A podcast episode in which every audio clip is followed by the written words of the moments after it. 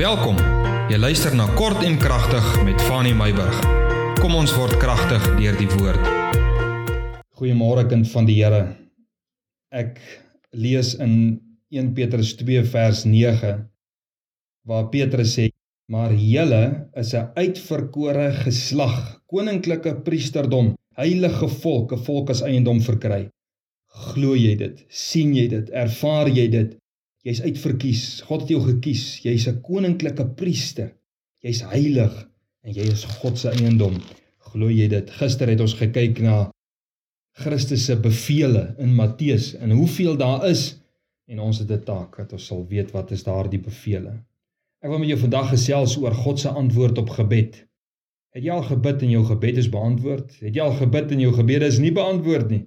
Ek dink daar kan ons al ons hande opsteek en al ons vingers in die lug opsteek en sê ja, daar's baie dinge waarvoor ek gebid het en dit nooit ontvang het nie. Ek lees 'n baie oulike storie.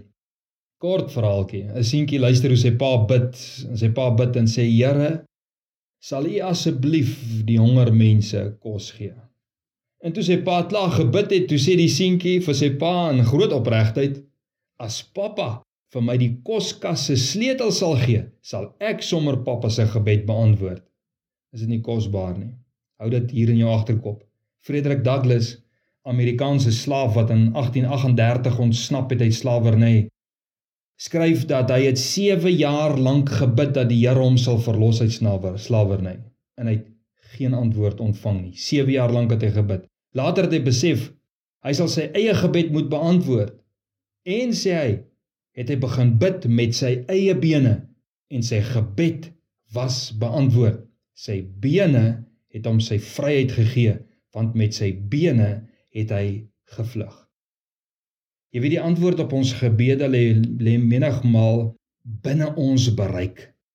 Die verhale wat ek nou van vertel het, hierdie twee stories wat ek vertel het, bewys nie God se onvermoë nie maar die vermoëns wat God ons gee en ook ons laksheid en soms ongehoorsaamheid om dit te verwesenlik wat God in ons vermoë geplaas het. Matteus 6 vers 11. Wat sê Matteus 6 vers 11? Ons ons ons almal ken hierdie gebed wat Jesus leer. En binne hierdie gebed staan hierdie belangrike begrip. Vers 11.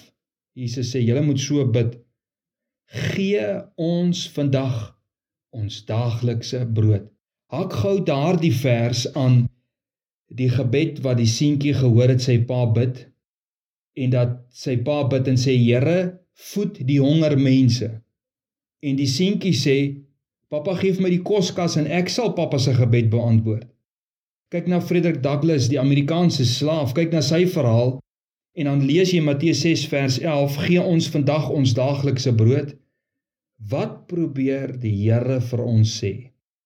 Dit beteken tog nie Matteus 6 vers 11, Here, gee ons ons daaglikse brood, beteken tog seker nie dat ons niks hoef te doen dan sal God vir ons van ons daaglikse brood voorsien nie. Dit beteken tog nie as die pa bid en sê Here, voed die mense wat nie kos het nie, maar sy koskas is vol. Dit beteken tog nie as die man bid en sê Here verlos my uit slawerny dan sit hy agteroor en dink die Here gaan 'n engel uit die hemel uitstuur en hy gaan hom wakker maak en vir hom sê luister hier's alraai begin nou stap nie. As Jesus sê dat die oes groot is en ons moet die Vader bid vir arbeiders vir die oes, moet ons nooit dink dat ons nie die beantwoording is van iemand anders se gebed dat die Here arbeiders vir die oes sal stuur nie. Ons moenie altyd gebed sien as 'n bo-natuurlike ingrype en wonderwerke nie. Gebede, nê, is meeste keer ons toetrede tot die oproep, tot die oorlog, tot die honger, tot die vryheid waarna ander en selfs ons mag. Jy weet gebed is die kragbron tot ons toetrede. Dit wat ons moet doen en nie soseer die aflaai van ons verantwoordelikhede by God nie. Dis nie gebed nie. Gebed is nie 'n hande gevou aksie. Daardie gebed wat ons altyd sien die die seentjie en die dogtertjie wat hulle hande so bymekaar sit hier onderkant hulle kenne en dis nie gebed nie. Verstaan my nou mooi wat ek bedoel daarmee. Jy mag so bid. Maar gebed is nie 'n hande vou aksie. Dit is oorgawe en dit is ook toetrede. In gebed gee ons nie net nie aan God nie, maar ons ontvang ook van God. Ons gee ons laste en ons ontvang terselfdertyd krag om ons laste te oorwin. Besef jy dit? In gebed vra ons nie net Here, doen nie, maar vra ons Here, wat moet ek doen? Dit laat my dink aan daai evangelis wat gepreek het toe sê hy Here, ek vra nie dat U my 'n hoender gee nie, wys my 'n hoender. Kind van die Here, as jy bid vir 'n oes, moet jy weet dat die saad nie van self in die grond sal beland nie en dat daardie saad nie selfversorgend gaan wees nie. Ek is van die opinie dat die meeste van ons gebede alreeds beantwoord is. Maar dat ons niks van dit wat ons bid en in glo in besit neem nie. Hoekom sê ek dit? Frederik Douglass het 7 jaar gebid en sou nog 7 jaar lank bid en as slaaf dalk doodgaan soos menige ander van sy medeslawe as hy nie tot die besef gekom het dat dit waarvoor hy 7 jaar terug gebid het reeds beantwoord was deur sy bene en verstand en wilskrag wat God hom gegee het toe hy gebid het vir vryheid uit slawerny nie.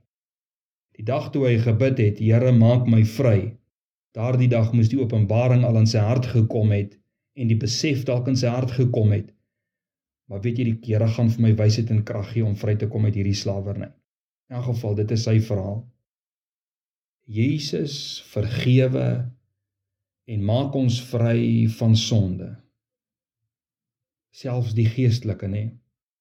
Maar hy gee ons ook die krag om sonde te stry en in oorwinning te bly. So kind van die Here, wat sê ek vir jou vanmôre? Wat is God se antwoord op gebed? Wat is God se antwoord op hierdie gebed wat ons bid, gee ons vandag ons daaglikse brood? Is dit nie Here gee my die krag dat ek vandag kan uitgaan en brood kan gaan kry nie?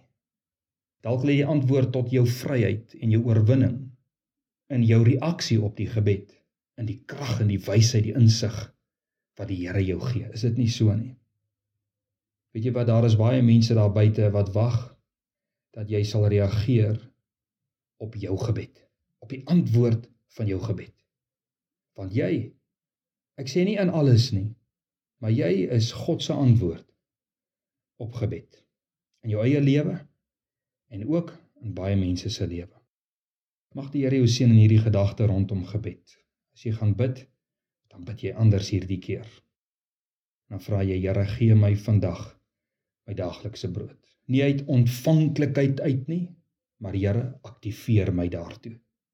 Ek seën jou hiermee tot ons môre verder gesels.